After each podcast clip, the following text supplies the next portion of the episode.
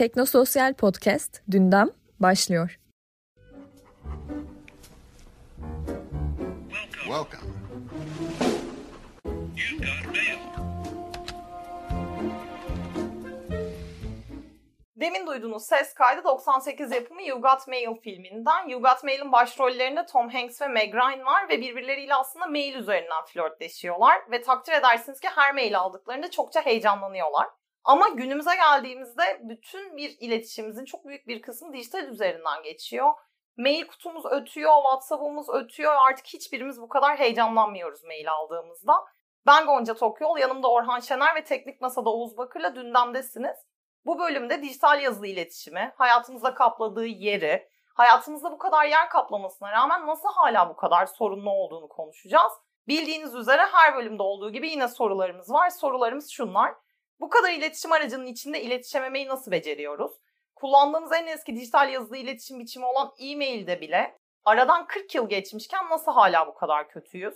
WhatsApp kullanmayı bilmiyor muyuz yoksa aslında WhatsApp'ın olayı kullanmayı bilmemek mi? Slack'e neden geçemiyoruz? Dikkatimiz neden bu kadar dağınık? Dijitalde daha düzgün iletişim kurmak için neler yapabiliriz? Ya da daha iyi iletişim için çözüm daha iyi iletişmek mi? Gene müthiş bir entrans oldu Gonca. Ee, o zaman şöyle bir örnek üzerinden gidelim istersen. Biz bu bölüme e, hazırlanırken ne gibi iletişim araçları kullandık? Biraz ondan bahsedelim istersen. Aslında sanırım kullanmadığımız bir iletişim aracı kalmadı diyebiliriz. Çünkü WhatsApp'la başladık, ara ara Slack'te devam ettik. İlkan Akgül'ü burada biraz anmak lazım. İlkan'ın çağrılarına rağmen Slack'e geçmekte yer yer zorlandık. Drive'dan birbirimizle ses dosyaları paylaştık, outline'ımızı paylaştık, mailleştik. Üzerine Zoom'da görüştük. Ve dün ve bugün de bir araya geldik. Artık yüz yüze görüşmeye devam ediyoruz. Neden bu kadar farklı aslında iletişim biçimleri kullandık? Çünkü hepsinin farklı avantajları ve dezavantajları var.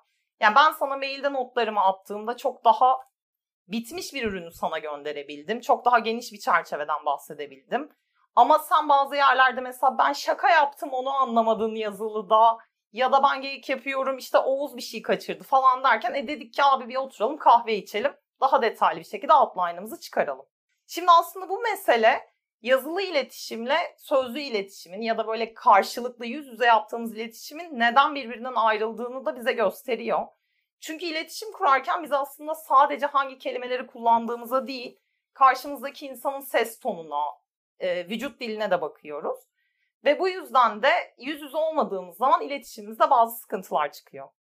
Gonca şimdi istersen bir adım geri çekilelim ve meselenin biraz böyle aslına aslarına dair e, konuşmaya çalışalım. Bu bir kere yeni bir mesele değil. Yani şöyle 12 bin yıl kadar önceye çekebiliriz. Aslı asları derken akademik bir background'a gideceğimizi tahmin etmiştim ama 12 bin yıl öncesine kadar gideceğimiz gerçekten benim dahi aklıma gelmemişti Orhan. Aslında Tebrik cümlenin, ediyorum. Cümlenin devamında 70 bin yıl ve hatta yarı 500 bin yıl falan gibi de bir şey demeyi planlıyordum ama neyse onu dememiş olayım şimdi. Dememişim farz et.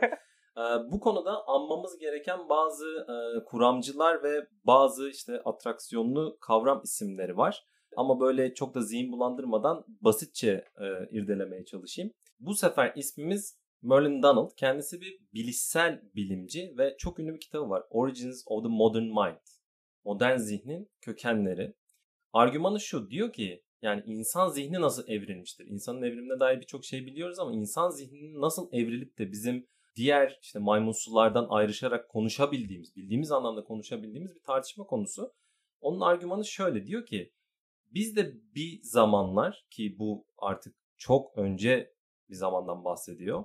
Aynen işte şempanzeler gibi episodik dediği bir dönemden geçiyorduk. Yani sadece anı kavrayabiliyoruz. Geleceği ve geçmişe dair pek bir algımız yok ve konuşma becerimiz de yok. Bazı sesler çıkarabiliyoruz. Birbirimizi belki uyarabiliyoruz tehlikeye karşı falan ama açıkçası bir kediden veya birçok memeliden pek bir farkımız yok. Sonra bazı küçük evrimsel değişikliklerle birlikte mimetik dediğimiz bir döneme giriyoruz. Nedir bu? Birbirimizi konuşamasak da gözlemlediğimiz bir benlik algısının oluştuğu yani bir ben varım bir de benden başka birileri var.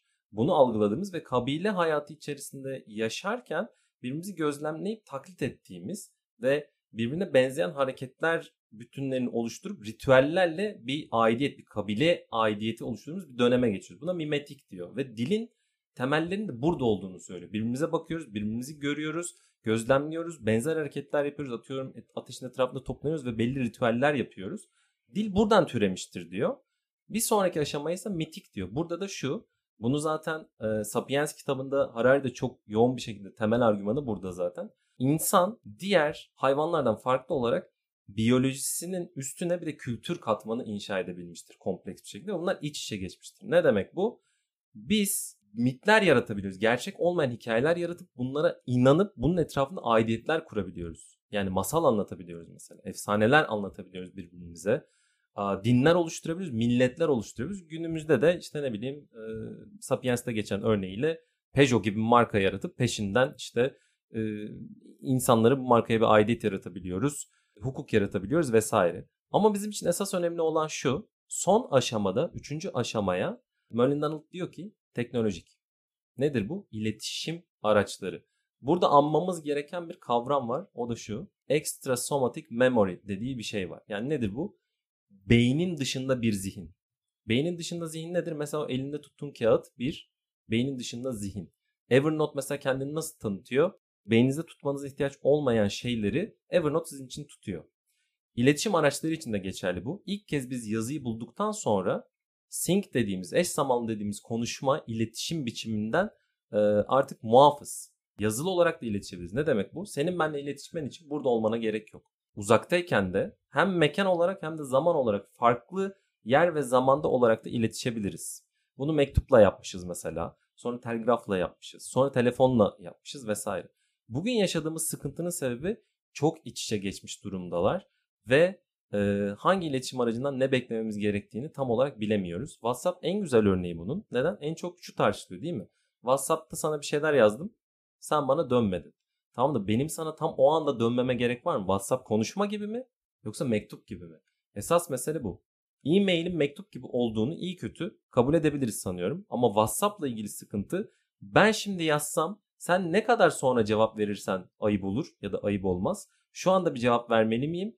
Eğer şu anda bir cevap bekliyorsam acaba telefon mu etmeliyim? Bu gibi soruların cevabını net olarak veremediğimiz için bu kadar büyük bir kaos yaşıyoruz. Aslında sadece dijitale bakmak da bence birazcık konuyu daraltmak oluyor. Çünkü e, Stop Talking Start Communicating diye bir kitap var. Geoffrey Tamlin yazıyor kitabı. 2013'te verdiği bir söyleşide sabahleyin okuyordum. Mesela iletişimden bahsederken şunu söylüyor. Diyor ki iletişim zaten yapısal olarak mükemmellikten uzaktır. Yani biz şey zannettik elimize akıllı cihazlar gelecek. Çok havalılar ve aramızdaki anlaşmazlıkları, karmaşayı, ortaya çıkan hataları tamamen yok edecekler. Ama diyor böyle bir şey yok. Yani her zaman için iletişim biçimlerimiz zaten doğalından zordur. Mesela yani ben sana kötü bir haber verirken her ne kadar doğduğum doğduğum andan demeyelim tabii ama konuşmaya başladığımdan beri işte. Sen doğduğun anda da konuşuyordun bence. Hiç şaşırtmaz değil mi? Kimse şaşırmaz. Yani dinleyenlerin de hiçbirini şaşırmayacağına eminim bunu. Çok hızlı konuşmuşum bu arada. Yani dayanamamışım muhtemelen. Ama işte konuşmaya başladığım andan beri bunu yaklaşık 28-29 senedir yapıyorum. Ama hala daha birine kötü bir haber vermem gerektiğinde zorlanıyorum. E bir de şeye baktığımızda kaç senedir mail atıyorum? Hayatımın ne kadarlık bir bölümünde mail var? Eskiden şeyle başlıyordu işte dear bilmem kimle başlıyordu. Şimdi konuşuluyor ki artık hi ve isim kullanmak çok daha rahat. Hani İngilizce üzerinden söylüyorum bunu bu arada. Hani mesela şey yapmıyoruz. Mektuptaki gibi böyle sevgili bilmem kim saygılarımla. Artık e-mailin şekli de birazcık değişiyor. Ama her ne kadar şimdi birazcık bu dijital yazılı iletişim biçimlerini hedef tahtamıza oturtacak olsak da bu bölümde şeyi de anlamamız lazım. Bunlar yine de görece bizim için çok yeni metotlar ve aslında kuralları oluşturmaya çalışıyoruz birlikte. Şimdi kuralları oturtabilmemiz için öncelikle burada mesele bir kavramamız gerekiyor. Yani bu yaşadığımız şey nedir? Burada bir dönüşüm var, değişim var. Onun bir adını koyabilirsek gerisi daha kolay olacak bence. Bu kadar çok sorun yaşamamızın esas sebebi bu araçlardan ziyade bizim bilişsel becerilerimiz, bilişsel yapımız. Biz şu anda kötü, verimsiz ve etkisiz bir şekilde iletişiyoruz. Bunun da en temel sebebi bence ilgi aralığımızın çok kısa olması. Attention span denen bir şey var biliyorsunuz. Artık işte 7-8 saniyeden uzun konsantre olamadığımız söyleniyor. Gerçekten de ben öğrencilerime falan da baktığımda yani konsantre olmakta güçlük çektiklerini görüyorum. Şarkıların süreleri kısalıyor, filmlerin süreleri kısalıyor, kitapların belki sayfa uzunluğu kısalıyor. Zaten kitap okuma alışkanlığı da az. Twitter'da çok kısa kısa mesaj vesaire. Bunların hepsinin aslında arkasında daha büyük bir şey var. O daha büyük şeye biraz bakmamız lazım. Çünkü Eğer biz burada bir çözüm sunamazsak yani bu sorunu çözemezsek gerçekten zihinlerimiz bunu kaldıramayacak galiba. Yani hepimize olan bir şeydir. Gündüz böyle sakin kafayla oturuyorsun, bilgisayarı açıyorsun. Açtığın anda karşına bir WhatsApp mesajı çıkıyor. Oradan mail geliyor. Mail cevaplamaya başlıyorsun. O sırada Twitter'da birisi bir laf etmiş. Ona laf yetiştireyim. Telefon geldi, sesli mesaj vesaire. Ha sonra bir bakıyorsun akşam 7 olmuş Zoom toplantın vardı. Zoom'a giriyorsun çıkıyorsun ve baktığında tek bir düzgün iş yapamamışsın. Bir sürü küçük küçük gerekli gereksiz önemli önemsiz şeylere kendini yormuşsun ama işi bitirememişsin. Bunun sebebi ne? Biraz ona bakalım. Çok atomize, bölük pörçük ve durmadan uyarılır bir şekilde tüketiyoruz biz içeriği. Yani bilgiyle iletişimimizde bir sorun var. Bunun sebebine bakalım.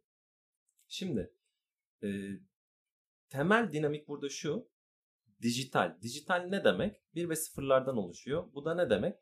İşte eskiden nedir? Fotoğraf çekiyorsun fotoğraf makinesiyle değil mi? İşte video kaydediyorsun bir video kamerayla. Sesi kaydediyorsun ses kayıt cihazına, teybe banta. Yazı yazıyorsun işte daktilo ile, kağıda, mürekkeple vesaire. Bunun her biri metin, işte görsel, hareketli görsel ve ses farklı farklı medyalar değil mi? Aslında baktığımızda yani fotoğraf örneğinde mesela filmin bitiyor, videoda kasetin bitiyor, kağıdın sona erebilir. Benim için büyük bir dram bu arada yani mesela defterimin bitmesi. Sonlara yaklaştığımda böyle fontum küçülmeye başlıyor el yazımda bile. Ama garip bir şekilde dijitalde ne oluyor? Şarjın dışında hiçbir şey aslında bitmiyor. Maksimum başına gelebilecek en travmatik şey Gmail'de kotanın herhalde dolması, mail kutunda cloud'unun dolması, ekstra para vermiş olman ama o genele baktığımızda sadece şarjımız bitiyor ve istediğimiz kadar ses kaydedebiliyoruz, video çekebiliyoruz, fotoğraf çekebiliyoruz. Elimizde devasa bir bagaj oluşuyor aslında içerikten oluşan. Biten bir şey daha var aslında. O da ne? Zaman. Enerjimiz, ilgimiz ve zaman. Bizimle ilgili bir kısıt var. Şimdi dijitalde analoğun tersine bütün her şey bir ve sıfırdan oluştuğu için ve bunları kaydetmenin, üretmenin ve kopyalamanın maliyeti sıfıra yakın olduğu için sonsuz üretim yapabiliyorsunuz. Şimdi bugün Twitter'da söylenen tonlarca saçma sapan lafı düşünün ve Twitter diye bir şeyin olmadığı bunların her birini kağıda yazılarak söylenmek zorunda olduğunu düşünün. Kim söyler? Kim bu kadar şeyle uğraşır? Hangi kağıda yazıp nerede çoğaltıp nerede dağıtacaksın? Bu arada biraz daha Twitter konuşmaya devam edersek mesela Jack Dorsey dünden bana taktı falan diye tweet atacak yakında. Yani Geçen İban, bölümümüzde tweet İban veriyorum Jack Dorsey. Biraz bizi de görürsen daha pozitif yorumlarımızla. Reklamın iyisi kötüsü olmaz. Kesinlikle olmaz. Şimdi dijitalde içerik üretmenin maliyeti sıfıra yakın olduğu ve neredeyse herkese iyi kötü açık olduğu için insanlar da kendilerini göstermek, duyurmak istedikleri için muazzam bir içerik hacmi var değil mi? Yani user generated content dediğimiz kullanıcıların içerik ürettiği bir dönem. Yani işte sosyal medya öncesine bakarsanız internette böyle bir şey yoktu. Site kiminse içeriği o üretirdi. Ama bugün baktığınızda Facebook'ta içeriği Zuckerberg üretmiyor. Bizler üretiyoruz. Annem çiçek fotoğrafı koyuyor vesaire. Bu kadar çok içerik var. Ve dediğin gibi bunun tüketmek için ekseriyetle de ücretsiz bunlar. Önümüzdeki tek engel hani şarjın bitebilir vesaire ama bir de ne? Senin zamanın ve ilgin kısıtlı. Biz bu kadar içerik bombardımanına yetişemiyoruz. Zaten bununla ilgili 70'lerde falan çok yazılıp çizilmişti ama onlar daha çok televizyonu düşünerek yazmışlardı. İşte Alvin Toffler'in Future Shock kitabı ya da Virillion'un işte hızla ilgili yazdıklarını falan düşündüğümüzde insanın bilişsel kapasitesinin bir yerde patlayacağı tahmin ediliyordu. Ama bu kadarını herhalde onlar da tahmin edemezlerdi diye düşünüyorum. Çünkü bugün içinde bulunduğumuz durum bizim için çok yıpratıcı. Bir de şundan bahsetmek gerekiyor.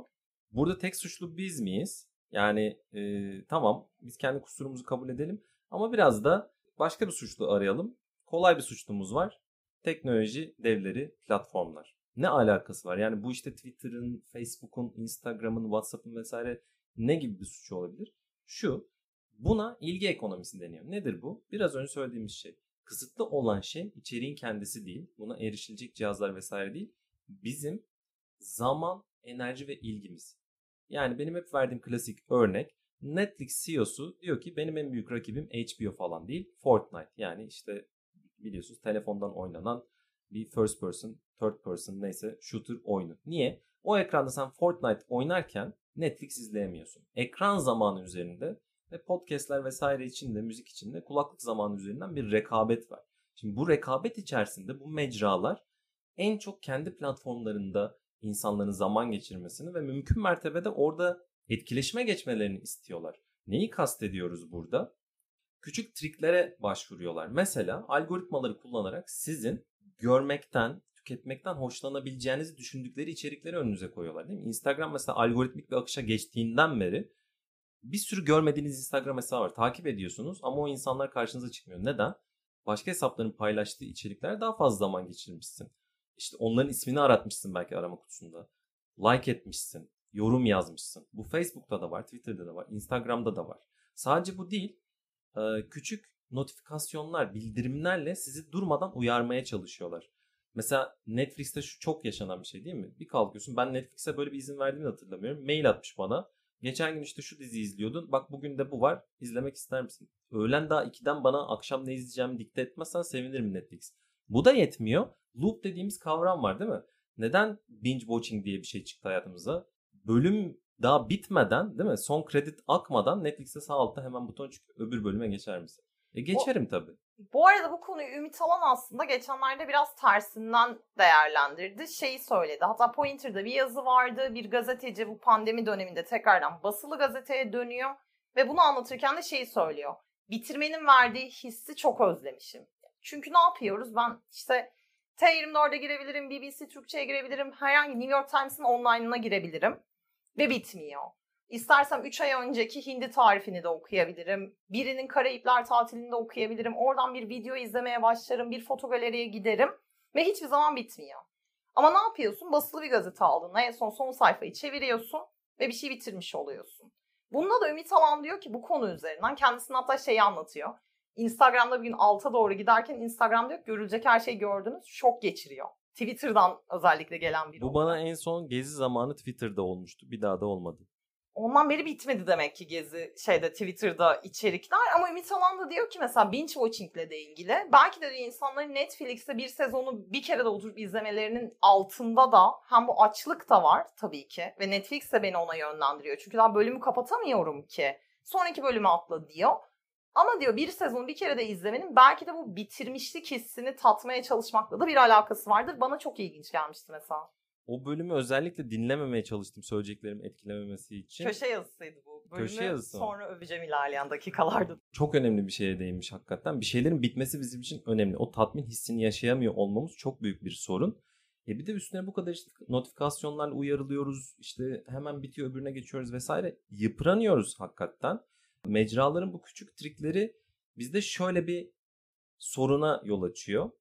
Dopamin dediğimiz bir e, enzim var. Bu serotonin gibi bir çeşit mutluluk üretiyor bizim için ama kısa vadeli ve e, serotoninin verdiği o gerçek tatmin eden mutluluk gibi değil de küçük hazlar.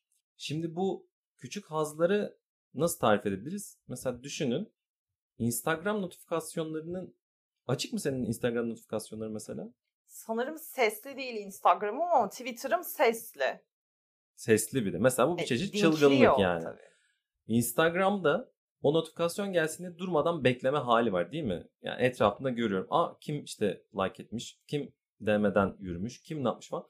Devamlı o küçük düşük yoğunluk teyakkuz hali bizi gerçekten yıpratıyor. Bir stres hali oluşturuyor. Bir çeşit dopamin bağımlılığı bu her küçük notifikasyonda böyle ufak bir haz alıyoruz. Birisi bana bir şey dedi. Birisi şimdi bana ne dedi? Bu beklenti hali bizi geriyor, yıpratıyor ve işin sonunda bir şeye odaklanamaz halde buluyoruz kendimizi. Bu sebepten basılı bir kitabı okumak veya bir deftere, kağıt deftere yazmanın verdiği o kafa dinginliğini biz biraz unuttuk açıkçası.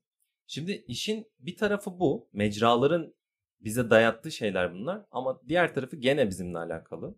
Fransız düşünür işte Guy Debord'un söylediği bir şey var. Gösteri toplumu. Nedir bu gösteri toplumu? Biz şimdi öyle bir toplum içerisinde yaşıyoruz ki bir şey sadece yapmamız yeterli değil. Aynı zamanda bunun görülmesini de istiyoruz. Bununla ilgili sana da herhalde gönderdiğim bir yazı vardı zamanla varlıkta yayınlanan. Yoga. Değil mi? Bu kadar içe dönük olması gereken bir şey. Bugün yoga nerede yapılıyor? Instagram'da yapılıyor aslında. Yani Instagram üzerinden yapılan yoga yayınlarından bahsetmiyorum. Yoga şu anda birçok insan için işte headstand kafa duruşu değil mi? Kafanın üstünde durabiliyorsan yoga tamamdır ve durmadan sen onu koyuyorsun Instagram'ına. Dışa dönük, beğenilmeye dönük bir şey. Bu sadece yoga için değil. Aynı şekilde Twitter'da da Facebook'ta da birine bir hediye almış olmak değil. Bunun gösterilmesi önemli. E bunların hepsi birleşince biz durmadan işte bir şeyi göstermeye çalışan ve bir yandan da birilerinin bize gösterdiği şeyleri gören veya bu görme eylemini bekleyen bir haldeyiz. Sürekli teyakkuz halindeyiz ve kesinlikle konsantre olamıyoruz. Olamadığımız için de ne karşımızdakine derli toplu bir şey anlatacak gücümüz, zamanımız, enerjimiz var ne de karşımızdakinin bize anlattığı şeyi dinleyecek, anlayacak ilgi ve odağımız var. Peki yani bu söylediklerine katılıyorum açık konuşmak gerekirse. Özellikle yoga meselesinde mesela ben de bir süredir sana ara ara bahsediyorum. İşte düzenli olarak yoga yapıyorum. Daha Instagram'a koymadım. Kafamın üzerinde de durursam koyarım arkadaşlar. Bu arada yani kafamın üzerinden durduktan sonraki bölümün altına linkini de koyarım. Bu arada ben duruyorum ama hiç fotoğrafını koymadım. O da senin eksikliğin inanmıyorum ayrıca. Ama yine de mesela bakın fotoğrafını koymamama rağmen bundan bahsetme ihtiyacı duyuyorum. Hatta duyduğunuz üzere demin podcastimizde de bahsettim. Ama ben, ben de bahsetmiş oldum aslında şu an. Aferin elimize sağlık. Ben bir de şunu merak ediyorum. Yani bunlar var. Okey sen yine daha akademik bir arka plan çizdin falan. Ama bu bir de jenerasyon farkıyla da acaba alakalı bir mesele mi? Dijital yazılı iletişimde bu kadar kötü olmamız. Çünkü genel olarak çevremde çok fazla akademisyen var. Senin de içlerine dahil olduğun. Mesela onların öğrencilerinden aldıkları mailleri duyuyorum. Gece yarısı gelen WhatsApp mesajlarını dinliyorum. Z kuşağını yerdiğimiz kısma geldik mi şu an? Geldiysek ona göre. Biraz ona geleceğim gerçekten. Yani bu mesele bir dijital okur yazarlık meselesi midir? Çünkü ben şeyi hatırlıyorum ilkokuldayken derste mektup yazmayı öğreniyorduk. Dilekçe yazmayı öğreniyorduk. Hatta seninle konuşmamız üzerine açtık baktık TRT'de telefona konuşma adabına dair bir ses kaydı var aslında. Nasıl Böyle bir bir şeymiş o? Dinleyelim mi? yapmışlar. Neresi orası? Burası ev. Kimin evi? Allah Allah. Babamın evi ne olacak? Telefonla konuşma kurallarını bilmeyen hem kendisine hem de başkalarına zaman kaybettirir. Alo? 146845 mi? Ben Macit Korkmaz. Faruk Korkmaz Bey aramıştım. Ya bu mektup dediğini hakikaten hatırlıyorum. Ee, ilkokulda mektup yazdırmışlardı bize. İşte pulunu mulunu yapıştırıp falan. Ben de halama mektup gönderdim. O da bana geri gönderdi mesela. Sonra mektup arkadaşımız vardı. Benim Finlandiya'dan mektup arkadaşım vardı falan. İngilizce yazış ne yazışıyorduk hatırlamıyorum ama e, bunlar öğretilen şeylerdi. Hatta işte telgraf hatırlamıyorum yani bahsedilmişti ama atmadık muhtemelen. Telefonu ama öğretmenimizin ilkokulda işte nasıl çevireceğiz o zaman çevirmeliydi. Arkadaş ben de böyle 100 bin yaşında gibi yani çevirmeli telefon falan. Ama bunlar öğretiliyordu. Şimdi şöyle bir sıkıntı var. Şu tuzağa düştük galiba. Şöyle bir laf atıldı ortaya. Dijital yerliler. İşte hep ne diyoruz? Ben mesela ilk kez internete girdiğim anı hatırlıyorum. Sen hatırlıyor musun? Hatırlıyorum. Ya. Tamam bu bizde genelde olan bir şey değil mi? İlk mail adresimi hatırlıyorum. İşte ilk girdiğim siteyi hatırlıyorum. Benimkisi e, manovar.com. Gerçekten. evet yani memnuniyetle memnuniyetle gurur duyuyorum. İkincisi de lordofdrinks.com gibi bir şey olması lazım. Şimdi deniyor ki bu yeni kuşak işte Z biraz milenyıllarla ilgili söyleniyordu ama sonra milenyıla baktılar onun içine ben de giriyormuşum meğerse. E, öyle olunca yeni kuşağı atıldı. Bu Z kuşağı deniyor ki bunlar zaten dijitalin içine doğdu ve hiçbir internete ilk kez girdikleri zamanı falan hatırlamıyor. Bu şöyle bir yanılgıya sebep oldu. E bunlar zaten biliyorlar. Şimdi biliyorlar derken mesela televizyon izlemeyi de biliyor olabilirsin ama televizyon programı yapmayı biliyor musun? Değil mi? Hani bir şeyi tüketmekle üretmek arasında fark var. E böyle olunca da iş şuna geldi. E biz bunları zaten öğretecek bir şeyimiz yok. Bir yandan da haklı. Şimdi e, çocuk atıyorum 7 yaşında ilkokula gidiyor. Hocası 50 yaşında. O 50 yaşında insan o çocuğa hani e-mail nasıl atılır, WhatsApp'a nasıl girilir falan öğretecek zaten. Kendisi biliyor mu ki öğretecek? Öğretecek bir insan da kalmadı. Yani bize mektup yazma öğretiliyordu. Ama şu anda bu insanlara öğretilemiyor nasıl WhatsApp'tan yazı işte iletişilir veya e-mailden iletilir. Çünkü şöyle bir şey oldu. Alvin Toffler demiştik. Gene demiş olalım. Burada işte Kurzweil diye bir e, fütürist var. Onu da anmış olalım.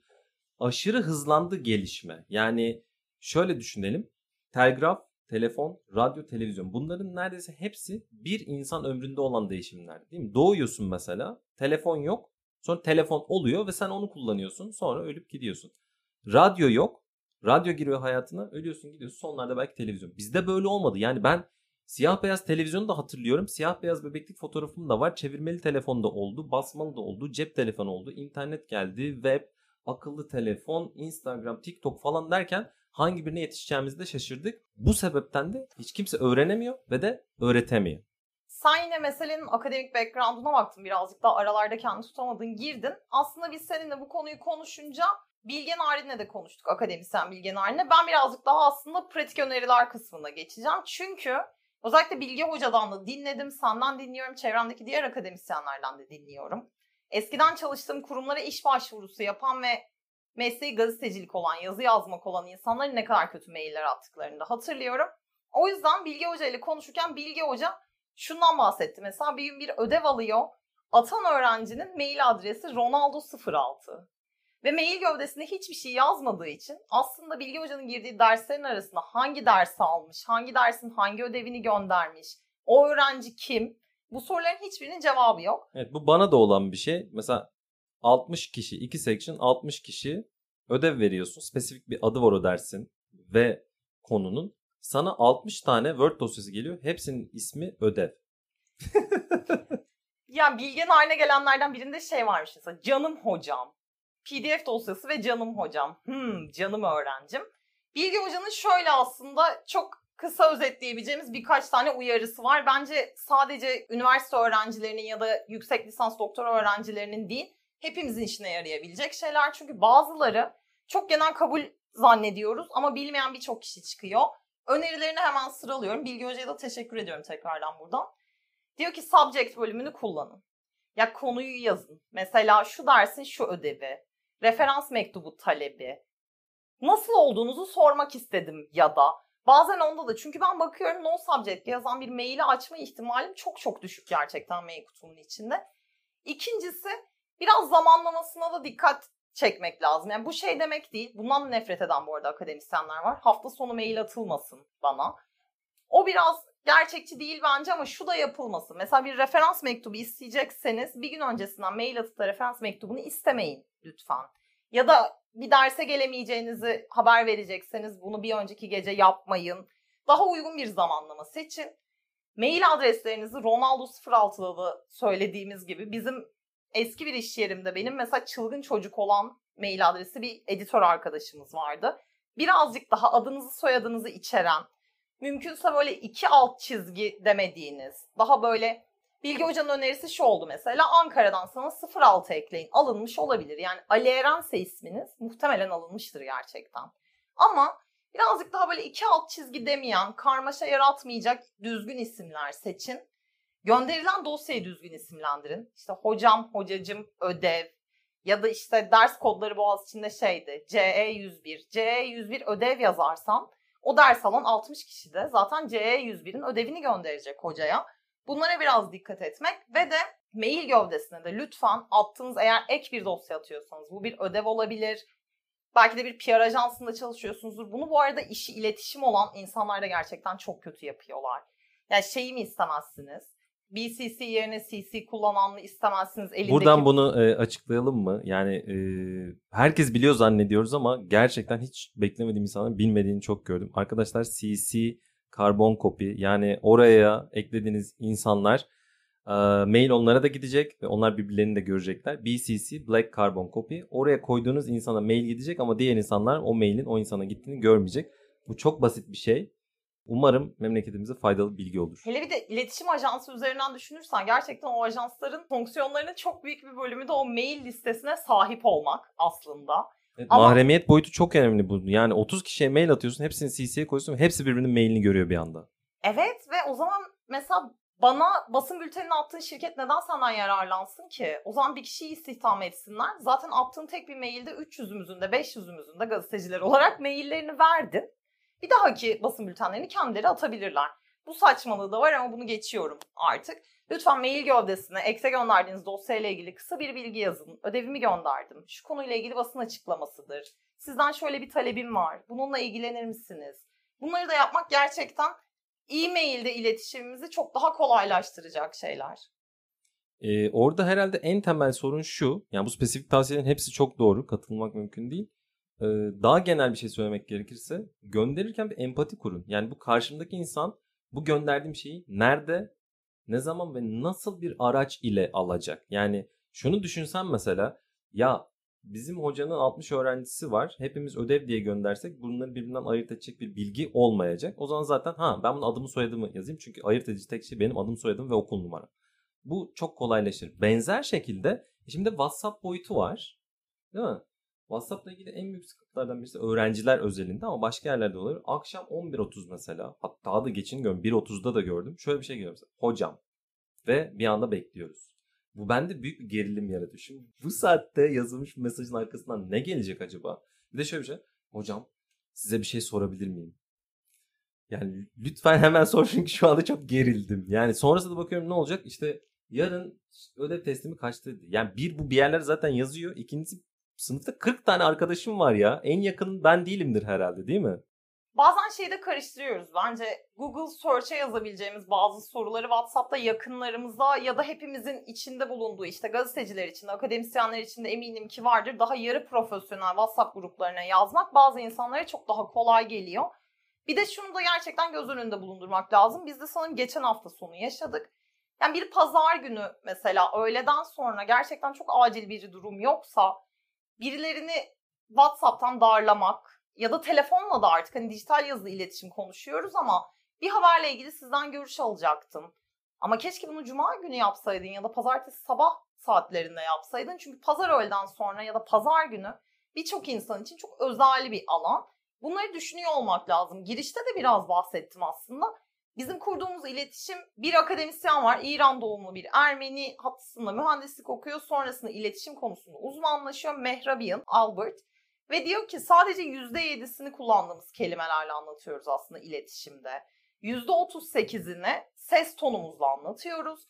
%55'ini de vücut dilimizi de anlatıyoruz karşımızdaki kişiye. Buna da hatta 7-38-55 kuralı diyorlar. Bir kural daha var bahsetmek istiyorum. Akademisyensen eğer her zaman küsuratlı rakam ver. Mutlaka inanırlar. 7-38-55 yetti mi hocam yoksa 7.2-38.3 falan? Yok bu çok iyi. Direkt Evet. bende şey hissi uyandıran. 3000 kişiyle yaptığımız deneyin sonuçlarına göre. Ya bu arada eleştiriliyor. Şimdi hiç de şey yapmayayım. Mehrabian'da 1960'ların başında iki araştırmaya dayandırıyor. Bu kuralını bu iki araştırmada da aslında ben sadece sana mesela şey diyorum.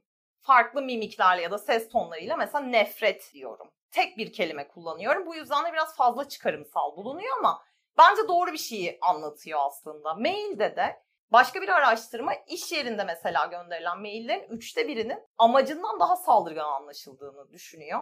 Yine empatiye dönersek böyle bir noktada da birazcık şunu anlayabiliyor olmak lazım. Yani çok kısa bir mesela tamamdır yazıp gönderdiğin mail aslında karşındaki için mesela tamamdır ve sinirli mi, tamamdır ve umursamadı mı? Yoksa aslında ben sadece şey demişim ya tamamdır abi hani eline sağlık demek istemişim. Ama orada brief olamadığım için, daha böyle bir açık ve net konuşamadığım için konuya dair karşımda bir kafa karışıklığı yaratmışım. Belki emojilerden biraz faydalanmak faydalı olabilir. Ee, öğrencilerin belki de haklı olarak söyledikleri bir şey var. Yani çok eleştiriyorlar. Biz hocalarımızı yani hepsi bu kadar kötü mail atmıyor. Bazı çok güzel atıyor mesela ya da güzel attığını düşünüyor. Uzun uzun yazıyor falan. Ama diyor ki işte ben uzun uzun yazdım. Hoca bana tamam dedi. Ya anlıyorum buradaki sıkıntıyı ama şöyle bir şey var. Bir o tamam zaten senin gerçekten sorunun cevabını veriyor. İkincisi yani onu ben keyfimden öyle yapmıyorum. Senin 5 hocam var, benim 100 öğrencim var. Her birinize mesela o uzunlukta mail yazdığımda günümden benim 3-4 saat gidiyor ki öyle bir süre zaten yani tamamen lojistik bir şey. Ben de bu sebepten tamamdır gülücük yapıyorum. Yani benim üniversitemde akademisyenler emoji atmazlardı. Hani bunu şimdi bir yorumum olamayacak. Emoji atan akademisyeni de ciddiye alır mıyım çok bilemiyorum. Emoji atan akademisyen dinleyicilerimizden de özür diliyorum bu noktada. Ben sadece iki nokta üstü ve bir kapat parantez yapıyorum. Tam yani kısıtlı bir emoji. E tamam hadi kabul edeceğim yani. Tamam e o zaman devam edersek artık buraya kadar geldik. Çok brief noktaları da söyledik. Mail atarken nelere dikkat edelim, empati yapalım ve birazcık daha açık olalım. Çok kısa önerilerini aldık aslında Bilge Narin'in. Bunun dışında da en başında bahsettiğimiz bu işte senin yoğun olmak diye, sürekli notification'larla dağılmak diye bahsettiğim meselede aslında birazcık dijital obeziteye giriyor. Burada da hazır bölümümüzün sonuna yaklaşmışken artık öneriler kısmına girmek istiyorum. Dijital obezite meselesi Can Öz ve Ümit Alan'ın yeni başladıkları podcast serisinin Yeni Medya 451'in ilk bölümünün konusuydu. Biz çok geniş bir şekilde girmedik aslında ama onlar çok güzel bir çerçeve çiziyorlar ve çok güzel anlatıyorlar. O yüzden tavsiye ederim eğer bu konudan nasıl biz bu dijital obezitemizden kurtulacağız, bu konuda ne yapabiliriz diyorsanız açıp onların son bölümünü dinleyebilirsiniz. Ben e, bu bölümü kaydedeceğimiz için özellikle dinlemedim. E, çok kafam oraya kayar diye. Şimdi bölüm bittiği gibi e, dönüş yolunda rahatlıkla dinleyebilirim. E, zaten bu ikili kendini ispatlamış isimler. Konuyla da doğrudan ilgililer. Yani herhalde e, oldukça iyi olmuştur diye tahmin ediyorum. Ben bu şeyi sevdim açık konuşmak gerekirse. İşte bizim bölümümüzden başka bir podcast bölümüne paslamayı arkadaşlar dijital obeziteden nasıl kurtulursunuz diye öneriler alacaksınız. Ama aslında fark ettiyseniz sizi devasa bir obezitenin içine doğru itiyoruz. Geldiniz, bizi dinlediniz. Şimdi gidin bir de Ümit Alan'la Can Öz'ü dinleyin.